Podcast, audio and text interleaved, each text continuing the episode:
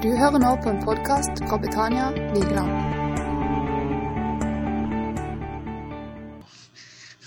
føler seg litt flotte og gode og skal vise hvor flinke de er òg, musikere og forkynnere og hvem som helst. Og der funker det jo ikke. Det blir feil.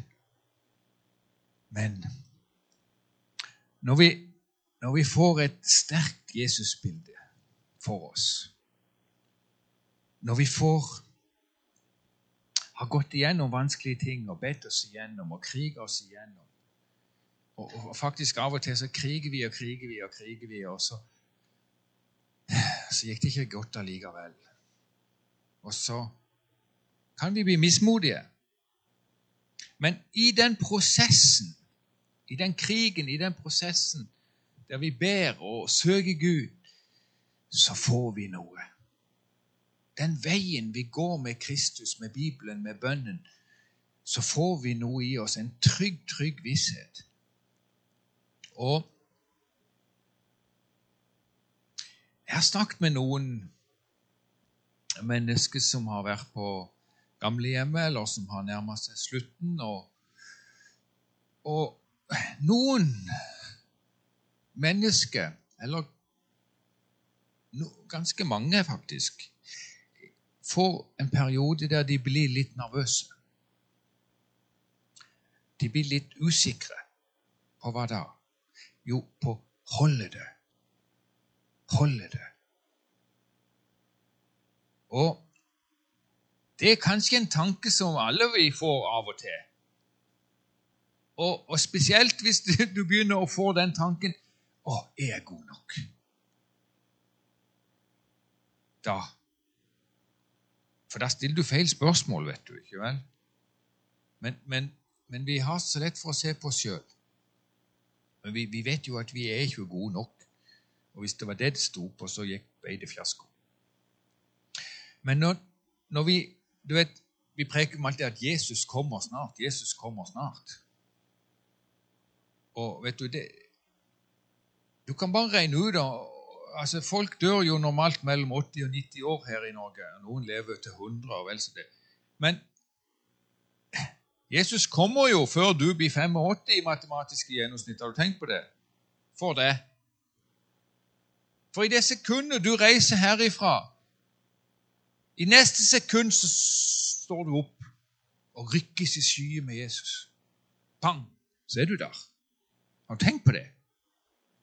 Som er som Jesus kommer snart, ja. Og hvis han drøyer lite grann, så kommer han når du dør. Det er ganske snart, det. Ja, det, det er bare sånn livet er.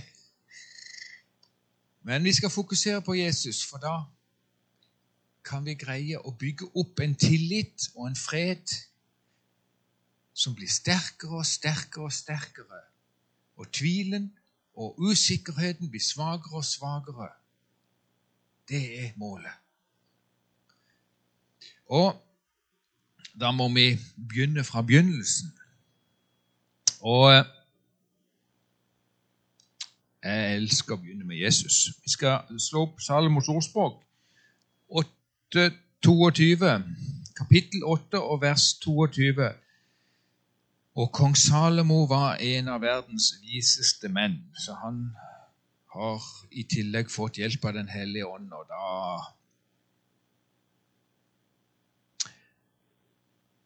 Salomos ordspråk 8,22. Herren hadde meg i eie ved begynnelsen av sin vei, før hans verk fra gammel tid. Gud hadde meg i eie før, ved begynnelsen. Før Gud skapte det gamle verket. Før han skapte himmel og jord, før han skapte noen ting, så skapte han Jesus. Vi kan ikke gå lenger fram i tid, for det strekker ikke vår hode fram til. Men det var lenge siden. Jesus ble skapt først. Vi skal gå til Johannes, det veldig kjente verset i Johannes, Johannes 1,1. Og så, og så skal vi bytte ut ordet. Skal vi putte inn Jesus der? For ordet er Jesus.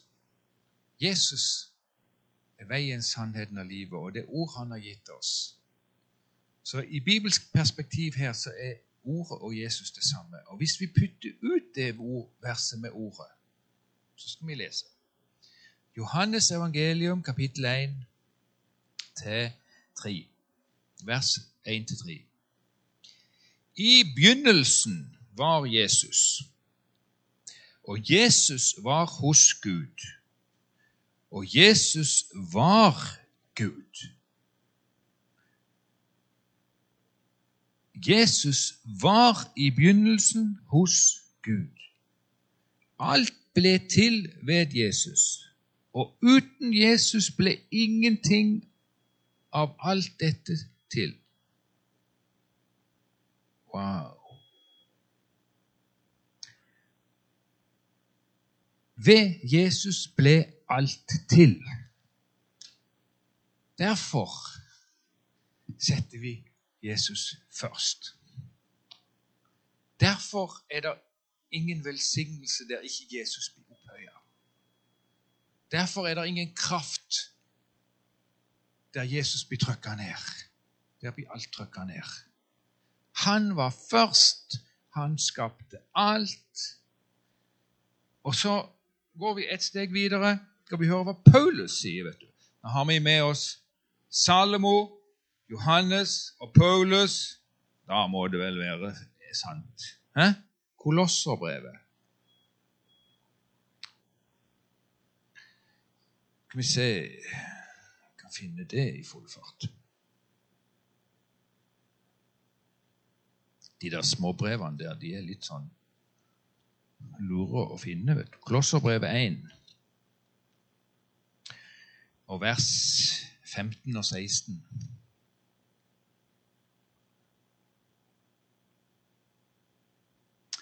Han, altså Jesus, er bildet av den usynlige Gud, den førstefødte fremfor hele skapningen. For i ham, i Jesus, ble alle ting skapt, de som er i himmelen, de som er på jorden, både de synlige, de usynlige, enten det er troner eller herredømmer eller myndigheter eller makter. Alle ting ble skapt ved Jesus og for Jesus.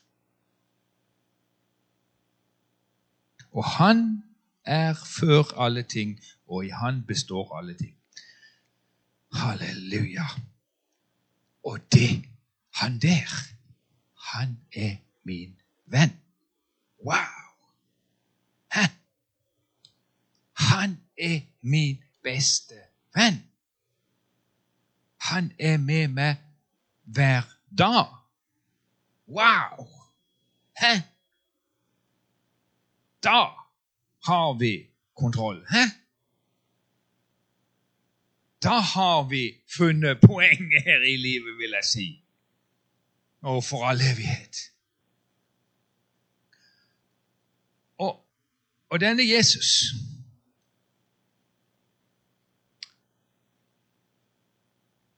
Gud hadde en hemmelighet. Hva var det?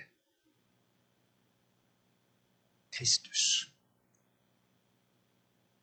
At Jesus skulle bli Kristus. Hva er det? Hva betyr det? Jo, vi sier at Jesus fikk tilnavnet Kristus etter Golgatar. Da ble han kalt Jesus Kristus etter han døde for alle våre synder. Og hvorfor var det noe hemmelighet? Jo, fordi at når han hang der og holdt på å dø, så jubla Satan hemmelingsløst, for de trodde de hadde vunnet. For de, de visste ikke hemmeligheten.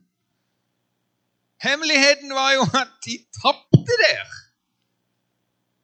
Og bang! Når Gud plutselig sier 'Det er fullbrakt', det er fullkomment.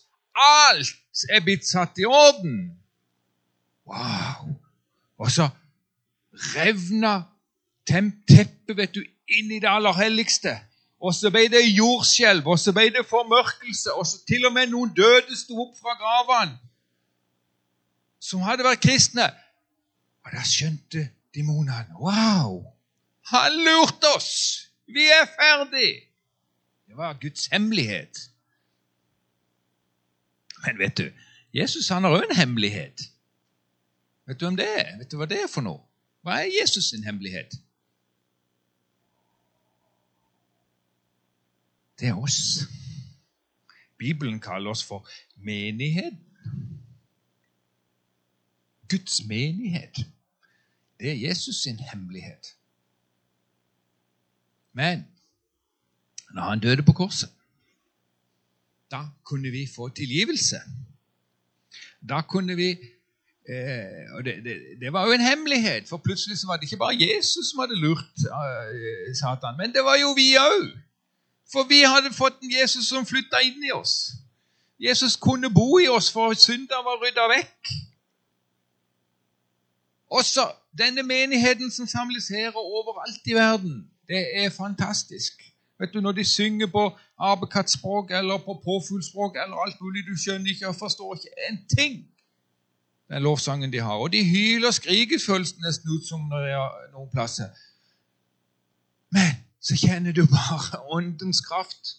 Jeg er sikker på Dominik og familien, John og familien, og de har kommet her første gang, og de hørtes ut som et kråkesang, det vi holdt på med. Jeg vet ikke hva de følte, men de følte det var noe rart språk vi holdt på med her. Men jeg vet du, jeg er sikker på I det rare språket vi holdt på å kakle på, som de nå har begynt å forstått, så kjente de Guds fred. Fordi at Guds fred bor i oss. Amen. Og vet du noe? menigheten, oss, vi har òg en hemmelighet. Hva er vår hemmelighet? Hæ? Som du må være frelst for å forstå. Hva er det? Hva er vår hemmelighet?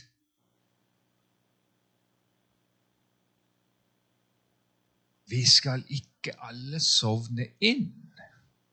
Men i et nu, i et øyeblikk, skal vi bli rykket opp i skyer for å møte ham. Det er vår hemmelighet. Vi skal rykkes opp i himmelen for å leve med Jesus alltid. Halleluja.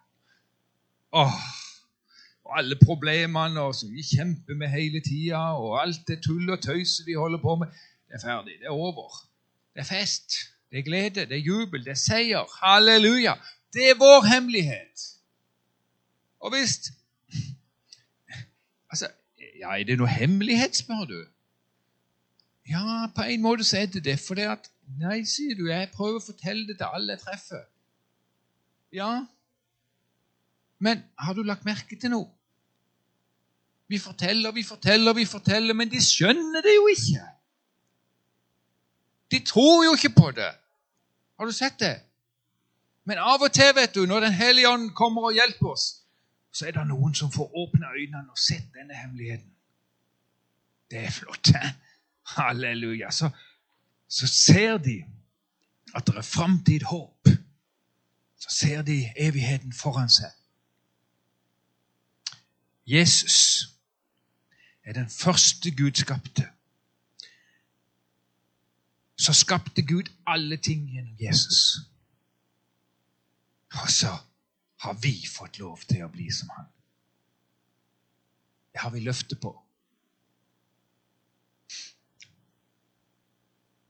Vi skal gå til første Tessalonikerbrev.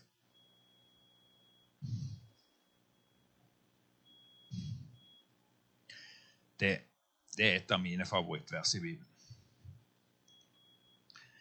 Iallfall på dette temaet her.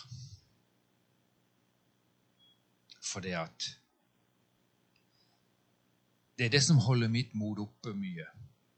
Det er det, det, er det som gir meg kraften og alt butt imot.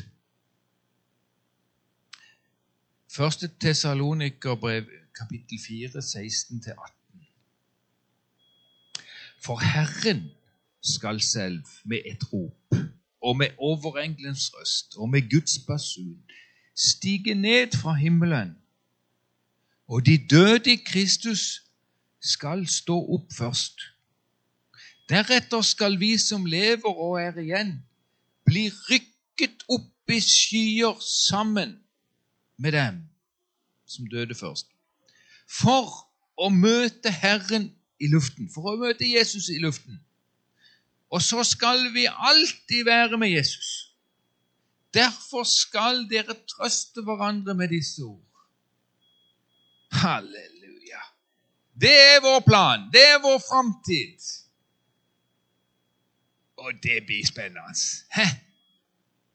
Er det noen her som syns det er gøy å gå på tivoli? Er det det?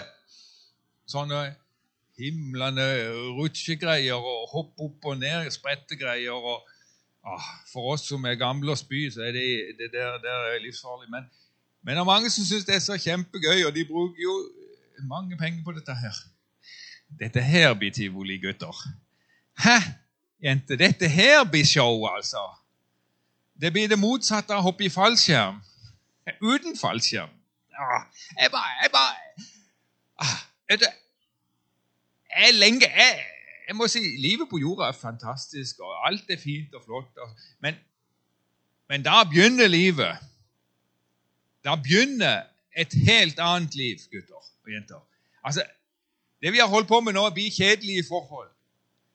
Og, og det begynner med en himmelflyvetur opp der. Ja, jeg er så barnslig, jeg tror det er bokstavelig, dette her. Men, men, det kan være et bildelig språk eller et eller annet. Men uh, jeg vet ikke. Jeg ser for meg at vi skal møte han oppi der i sky oppi luften en plass. Pang. Og, og uh, Tenk jeg, jeg, har noen uh, Jeg kan ikke si hvem det er, men jeg har noen nære venner som jeg prekte med her om dagen og som sier de tror, men de vil ikke ta imot. Har du, har du hørt om sånne folk? Ja, jeg tror på Gud. Ja, ja, ja. Ja, men da ber vi til Gud at han skal, skal ta imot han. Jeg, jeg er ikke helt klar ennå. Altså Og så var jeg og med sånn en kar her, og så Så vet du hva jeg sa for noe? Jeg bare dratt ut av meg, men jeg håper det var Gud. Men så sier du, nå kommer Jesus snart igjen, sier og, og da skal vi kristne vi skal bare bli støvsugd opp, og så er vi vekk. Hvis ikke du har fått bestemt deg til menigheten forsvinner, så må du jo forstå at da er det virkelig sant. For da er vi vekke. Men da kan du bli frelst etterpå òg, sa jeg. Men det blir tøft. Ja, Men da kan du òg bli frelst. Og Det er et annet kapittel, men det går an. Og så lovte jeg å sende han ei bok. Jeg må bestille ei bok til han som forteller om dette. her. Så sier jeg kan du slå på det og det kapittelet. Der står det hva du må gjøre. Ja, han ble litt sånn, Det ble litt sånn betutta samtale. Det gjorde det. Men det kom bare over meg sånn. Men, men Gud har en sånn plan for oss. Men det slutter jo ikke bare med en liten flytur. en flytur, det, det, er begynnelsen. For det at eh, i Romerbrev 8, 29 Det blir mye bibelvers i dag, men det er Jeg må bare kvikke meg så ikke jeg blir så himla lang. Bare gir opp her. Romerbrevet 8, 29. Der står det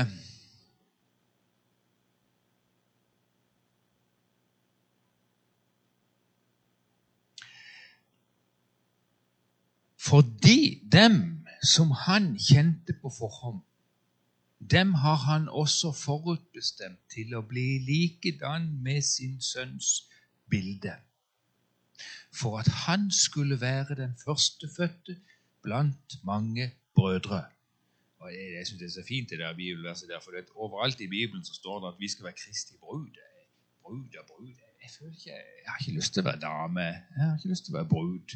Men her står det vet du, at vi skal være hans sine brødre. og det føles litt bedre for meg. Hæ? Men her står det mye informasjon. For dem, altså for oss, som har kjent Jesus på forhånd. Eh, å bli frelst, det å bli kjent med Jesus. Ailo, kan du finne det der bildet jeg sendte deg? Jeg så et himlende artig bilde her i et blad. Eller, la oss si. Og så tok jeg kameraet mitt og så senk lysene litt. Og så sendte det til Ailo og spurte om han kunne greie å til noe han kunne vise på skjermen av det. Og ser du der at det er den eh, Nei, Det er ikke søndagsskole, dette her, men det er jo nesten det. Det er en sau som ligger der og slapper av. Ser dere det? Og han leser i ei bok det står der ja, Skip det altså, betyr sau. Det er sauebok. og så, sier, så ser du han har dataen foran seg der, og så har han telefonen med headsetet der og hører på musikk. Og så har han til og med en radio og en fjernsyn på. Full, fullt kjør. Ser dere det? Og så, så, Samtidig som han gjør alt dette multitaskinga her, så, sier, så tenker han jeg forstår ikke hvorfor jeg ikke hører hurdens røst lenger. Hurden passer på sauene, ikke vel? Og Jesus passer på oss. Og vi, og vi sier jo faktisk det av og til. Jeg syns det er artig at han jeg har ikke noe sånn god kontakt lenger. Og eh, det har med tid å gjøre. Og i dag så må vi legge det sa vi i gamle dager. Du må bruke tid med Herren. Og så I dag må vi formulere oss litt annerledes. Vi må si du må bruke tid med Herren i stillhet. I stillhet. For hvis du har halve øynet ditt på dataen og, det andre halve øynet ditt på, på musikken du hører på, og så ber du til Gud samtidig Det blir veldig vanskelig. Jeg sier ikke at det ikke går an. Og jeg ber jo mange ganger når jeg kjører bil, og når jeg arbeider og når jeg gjør alt mulig rart. Så vi skal sukke og be i alle tid til alle situasjoner. Men, men skal du virkelig høre noe fra Jesus, så må det være stillhet i lønnkammeret. Et, det er min livserfaring. Eh, og, da, og da kan vi høre han tale til vår ånd det er ganske stille og vagt. Og, og nesten sånn at du må vurdere om det er mine tanker eller andre tanker. Og du må begynne å be over de tingene du følte og hørte, om det er virkelig fra Gud. Og Derfor så, så har jeg ei bønn jeg pleier å be med jevne mellomrom. Den har jeg hørt jeg har sagt til deg ti ganger, for det forandrer mitt liv, så jeg håper det kan forandre noen andres liv. Og jeg ber til Gud, kjære Gud, tal til meg så jeg forstår så skal jeg gjøre det. Og det vi, vi ønsker å forstå hva han vil for oss. Det er liv. Og så leste vi her for dem som Jesus kjente på forhånd. Kjenner du Jesus? Eller har du bare tatt imot ham? Ser du forskjellen?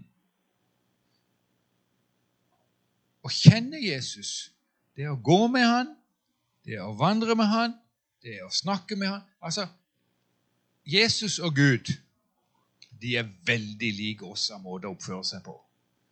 Og vi, vi vet jo det at, at, Jesus sa til disiplene Har du sett meg, så har du sett Gud.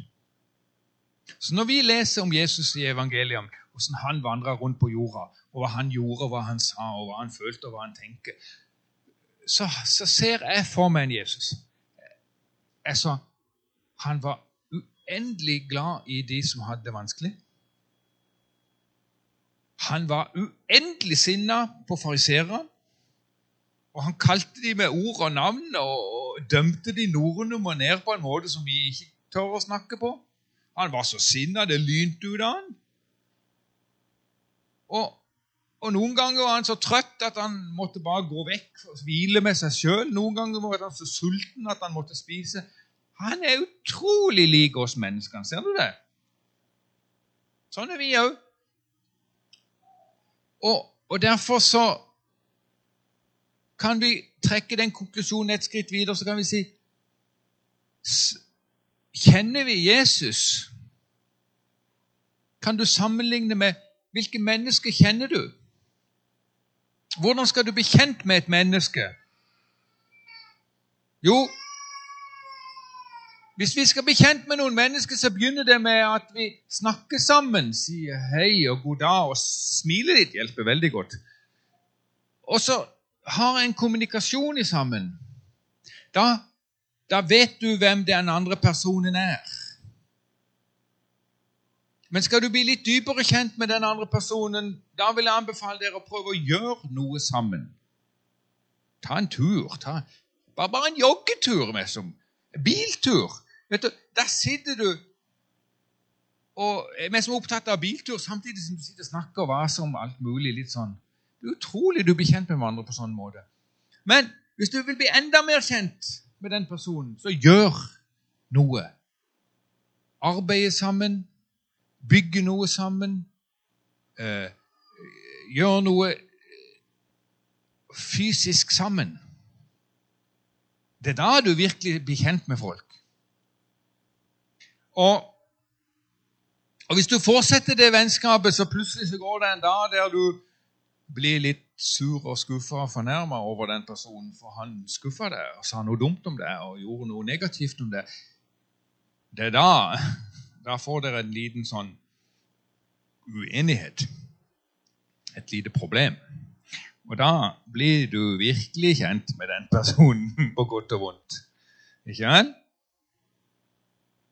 Og akkurat på samme måte kan vi bli kjent med Jesus. Det begynner med at vi sier ja. Det begynner med at vi sier 'Kom inn i mitt liv, bli frelst'. Og så begynner det med noen sukk og noen bønner og lese litt i Bibelen. Og så begynner det å bli samtale.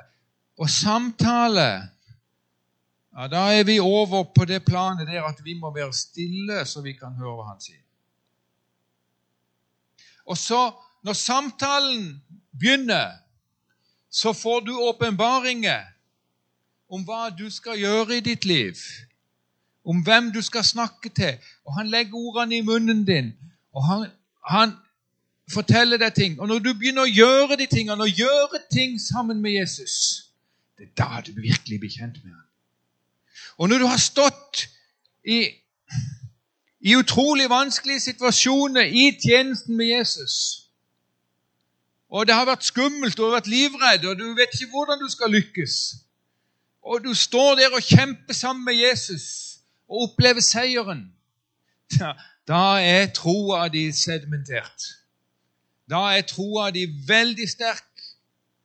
Og da tror jeg det er mye lettere når du står på enden av livet og har fred. For du har vært i vanskelige situasjoner før med Jesus.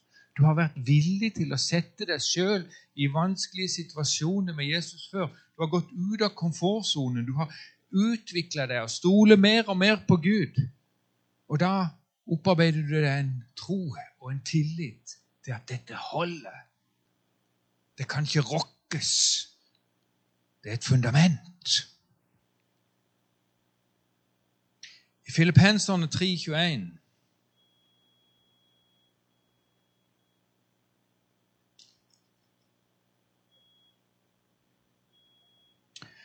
Jeg har sånn, noen sånn fusketråd her og der.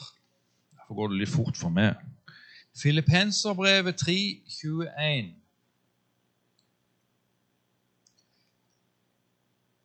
Han skal forvandle vårt forgjengelighetslegeme så det blir likedannet med Hans herlighetslegeme. Det skal han gjøre ved den kraft som gjør han i stand til å underordne alle ting under seg selv. Hm. Jesus har en kraft som han kan underordne alle ting under han. Det er av seieren på Golgata. Men han skal forvandle vårt forgjengelighetslegeme. Hva betyr det? Det var litt vanskelig ord. He? Men forgjengelighet, det er ting som ikke varer over lang tid. Ting som, som er friskt og fint i starten, og så blir det et, Når vi bygger hus, vet du, nye hus i tre og sånn, så, så, er det fint og flott, og alt er perfekt i starten hvis du har hatt den rette mannen til å gjøre det. Men etter hvert så begynner ting å råtne. Og det er bare et tidsspørsmål, så må du skifte kledning, og så må du bytte takstein, og så Det er forgjengelig. Det går i stykker.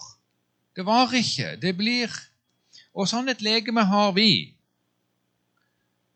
Det er bare å se en fotballkamp der. Det er jo ingen over 40 år i den fotballkampen. Hvorfor er det ikke det? Har du lurt på det? Nei, de er blitt for treige. De er, for, de er ikke noe fres i de. de. De spiller på B-laget, vet du. Sånn som Kjell Rune, vet du. Det er ikke det futt nok i han lenger. Det er forgjengelighetslegeme. Og etter hvert så er det vel Paul Boys. Det blir fint.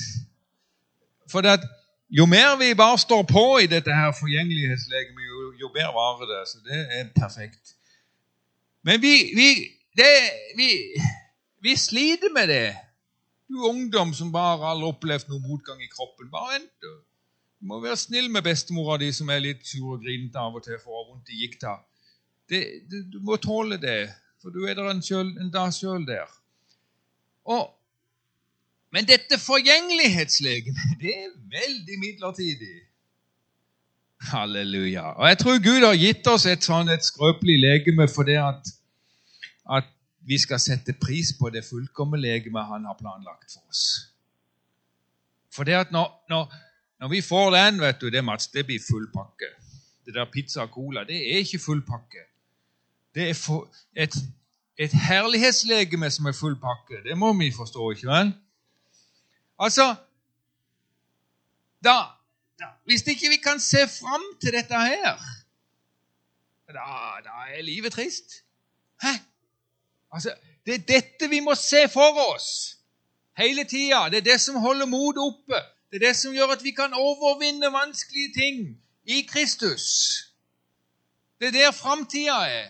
Den er ikke her. Ja, ja, vi bygger hus og kjøper bil og strever og strever for vi skulle tro vi skulle leve her for evig. Men det er ikke framtida, folkens. Og jo sterkere himmelen blir for dere, jo mindre blir disse jordiske tingene for oss. Og, og, vi kan jo grave oss ned i jordiske problemer, som ikke betyr en ting om 100 år.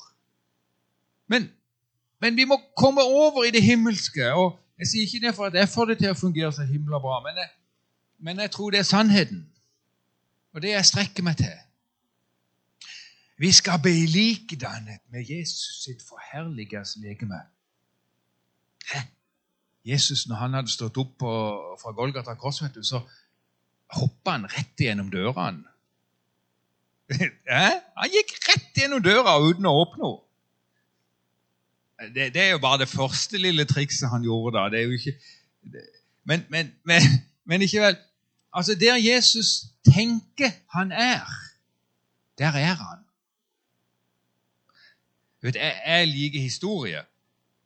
Så jeg, jeg, jeg har mange ganger hatt, vært fristelsen til å kunne ha sånn tidsreise og reise tilbake til steinalderen og være flue på veggen og bare se hvordan de hadde det. Det har vært utrolig spennende. Eller, eller, eller sånn. Men det, hvis Jesus tenker at han er for 2000 år siden, så er han der.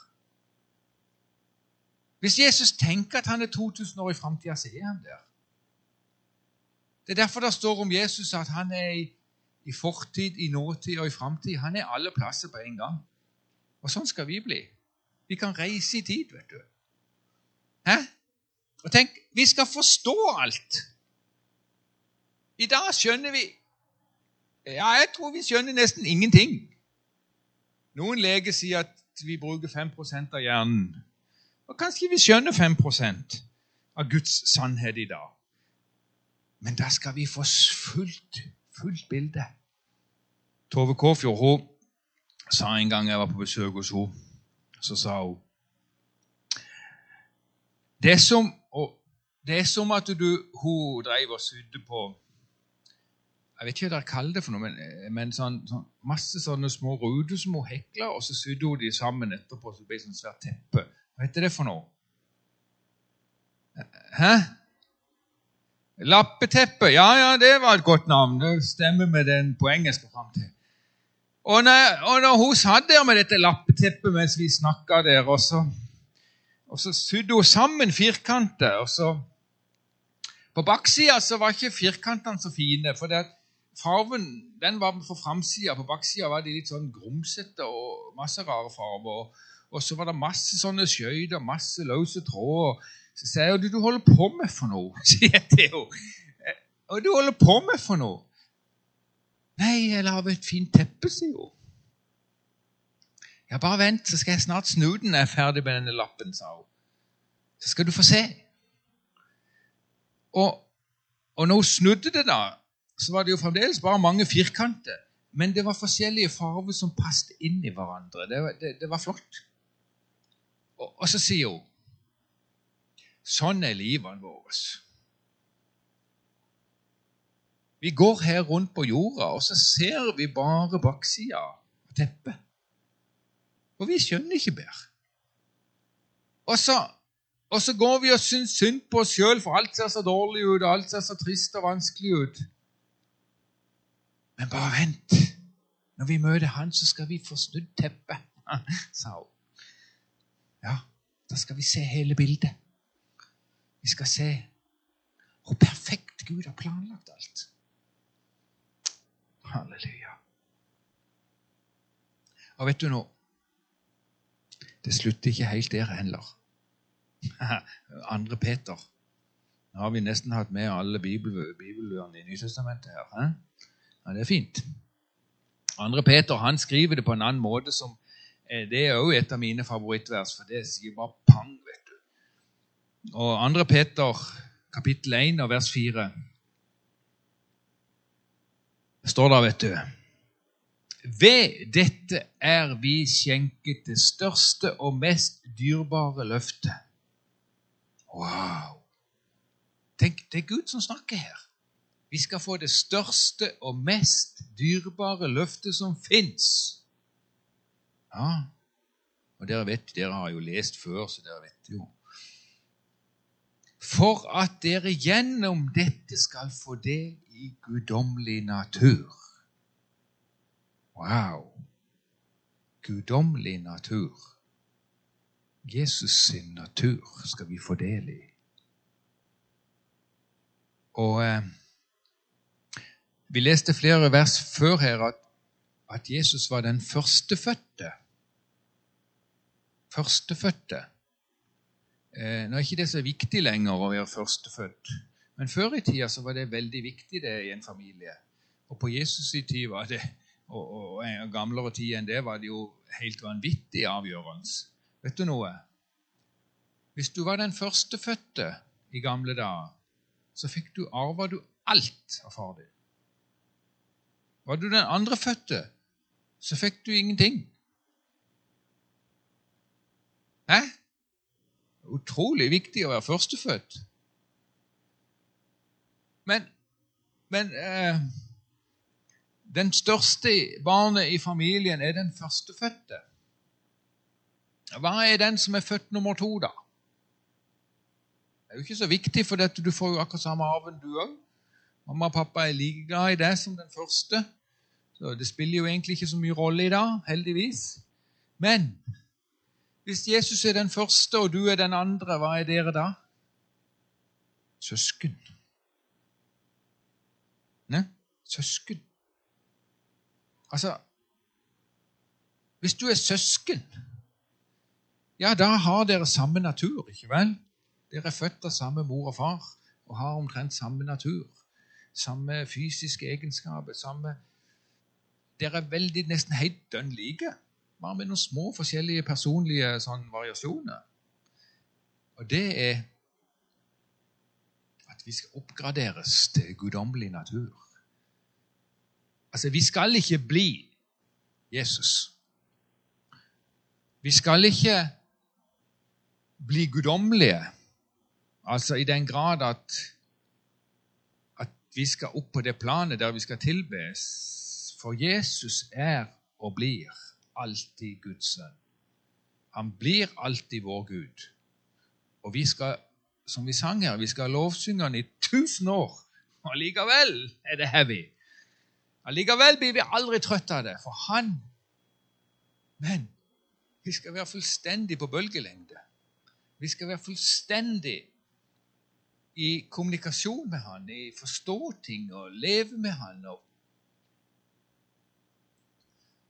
Dette er Guds plan for oss.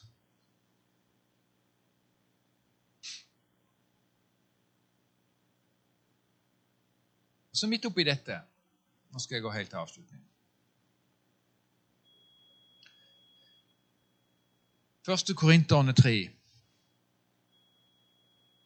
Det. Det var flaks at søndagsskolen gikk her for en halvtime siden. For en ti, time siden snart. Første Korinterne, kapittel 3, og vers 11.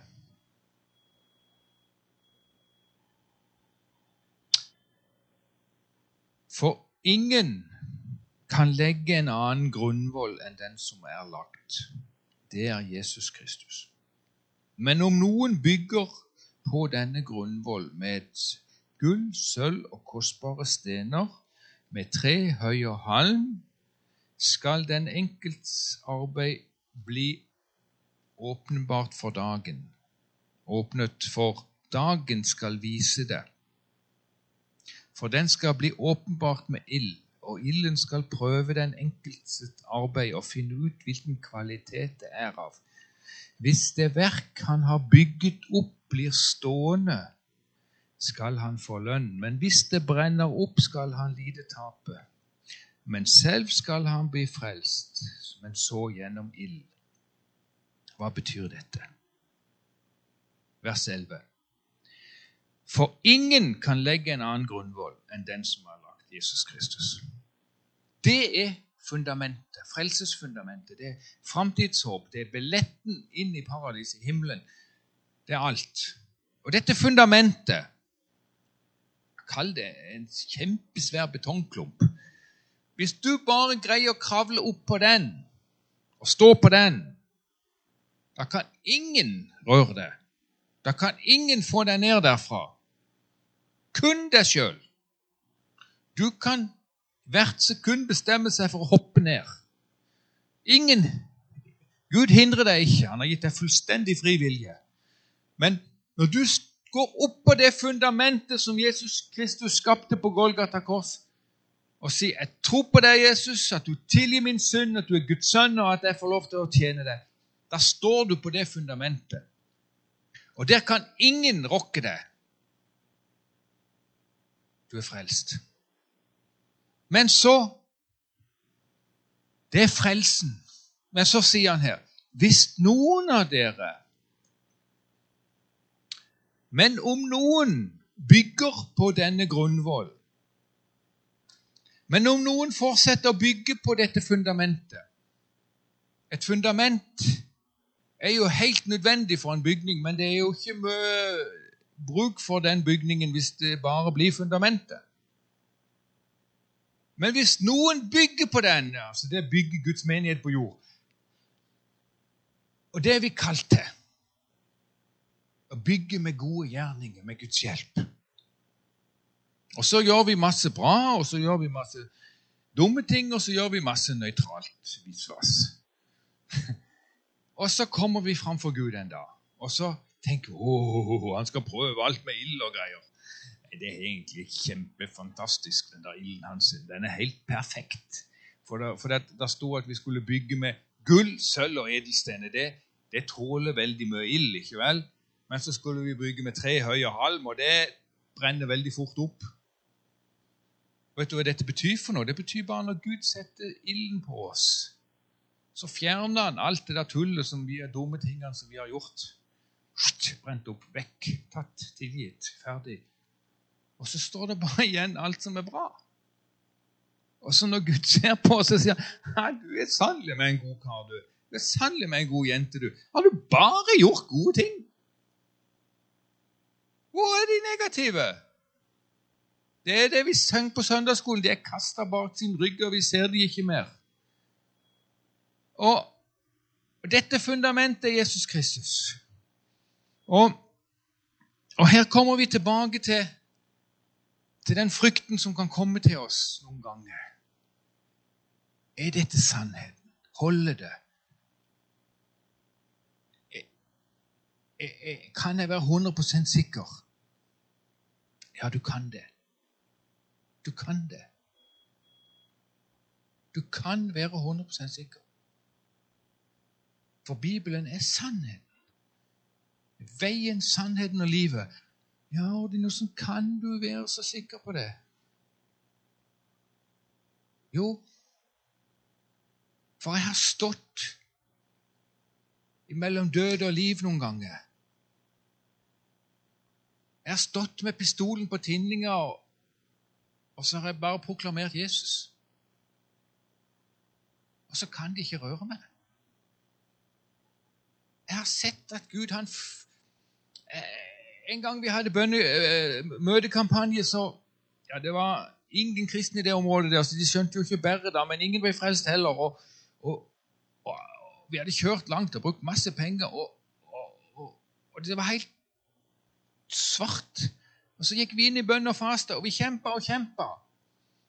Og vi hadde jo leid med noen to damer som skulle lage mat til oss. De fikk jo ingenting å gjøre. Og, og de solgte maten vår så tjente ekstra penger som de kunne gjøre. Og så ble det bare helt gjennomslag. Da var det en mann der som var besatt, som ble fridd ut. Og det åpna hele greia, og mange hundre ble frelst. Men det kosta. Det kosta og kosta og kosta, og vi var helt utslitt etterpå. Men Jesus Når jeg ser hvordan Jesus kan gjøre det umulig og vinne seier gjennom alt, så, så funker det. Og Ikke minst den gangen oppe i Nepal, der han, predikanten som skulle være med meg, han brakk begge hendene og måtte bare sitte hjemme, og så måtte jeg reise helt alene. Og så jeg føler meg ikke så Jeg, føler, jeg er jo ikke noen verdenspredikant eller noen ting. Jeg taler jo sitt på menigheten min hjemme. Men jeg bare, jeg bare tør. Jeg kan skryte av meg sjøl. Jeg bare tør. Og vi reiste opp der.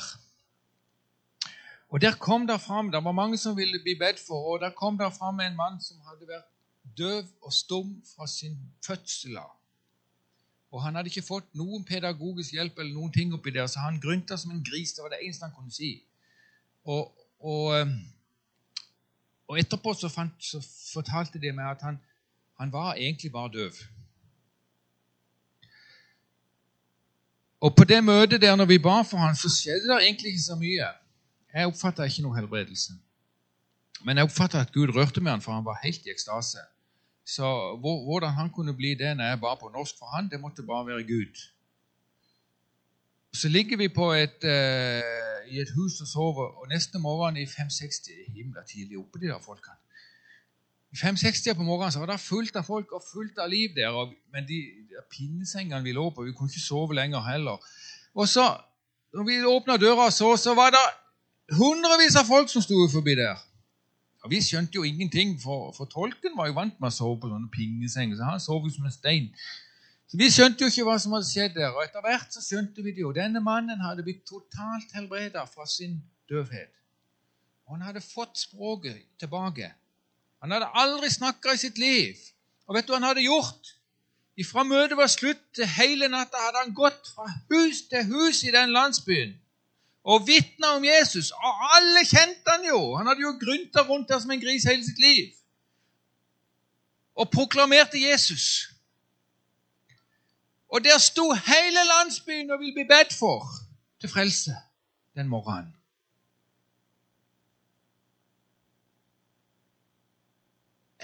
Jeg, tror Jesus, jeg tror 100% på han. Han svikter ikke. Han kan vi stole på i alle ting. Om alt ser helt håpløst ut, så har Gud kontroll. Så har han en plan. Og så skal vi Gli inn i himmelen. Å, jeg elsker himmelen. Jeg elsker å studere om det og lese om det og finne bibelversene om det og finne løftene på det. For det løfter meg. Det løfter meg. Ikke det at vi skal være glad i livet her på jorda og, og ta oss av hverandre og stå på. Men Det er ikke det at jeg har et miserabelt liv her på jorda. Men, men å se himmelen foran deg gjør at livet her på jorda blir satt i rette perspektiv. Du får satt tingene på rett plass, og du får, og du får eh, Jesus på rett plass. Skal vi reise oss, så skal vi be.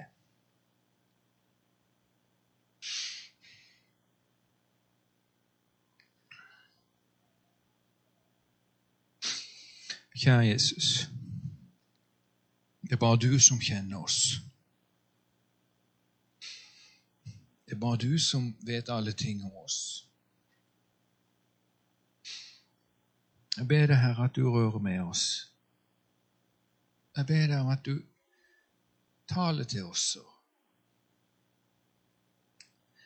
viser oss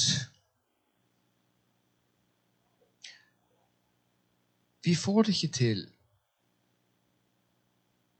Vi lever i et liv i velsignelse, og vi blir så opptatt av at disse materialistiske velsignelsene at vi mister litt fokus på hva som virkelig betyr noe. Og vi vet om det, Jesus. Og vi vil egentlig, men vi får det ikke til.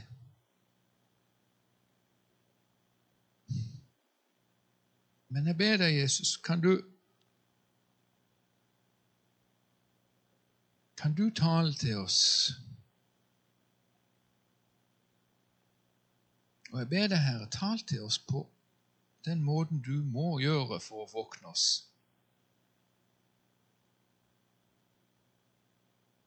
Jeg ber deg for alle som er her i dag, Herre Jesus.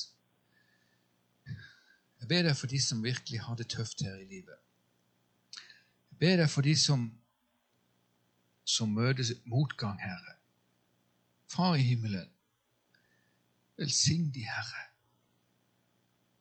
Gi de en åndelig kraft, så de kan leve et seirende liv midt i problemene, Herre Jesus. For du har ikke lovt oss et problemfritt liv. Men du har lovt å være med oss. Du har lovt å ta seg av oss. Du har lovt å gi oss styrke og kraft, Herre, så vi kan gå gjennom de tingene, Herre Jesus. Og Du viste det med et eksempel på Golgata kors at livet er ikke enkelt. Du valgte å lide så vondt bare for å vise oss at vi også vil oppleve vanskeligheter. Så høyt elsker du oss. Du ser de som kommer til de dagene der vi tviler litt, Jesus. Der vi lurer på er det virkelig sant? Kjære Far i himmelen. Hjelp oss å få stillhet framfor det, Herre, så vi kan bygge en tro og et, et, et kjennskap til det, Herre. En kommunikasjon fram og tilbake. En, en åndsutveksling i Den hellige ånd, Herre, i kraften, Herre, så vi kjenner det at du lever, Herre Jesus. Halleluja. Takk for alle som er her i dag, Herre Jesus. Velsign de, Herre, med all åndelig velsignelse i himmelen og på jord, Herre. Ja, det er det du har lovt oss. Hjelp oss og styrk oss, Herre. Så vi tar deg med i alle ting, Herre Jesus. Jeg bare takker deg, Herre, for at det er et møte med deg vi trenger, Herre.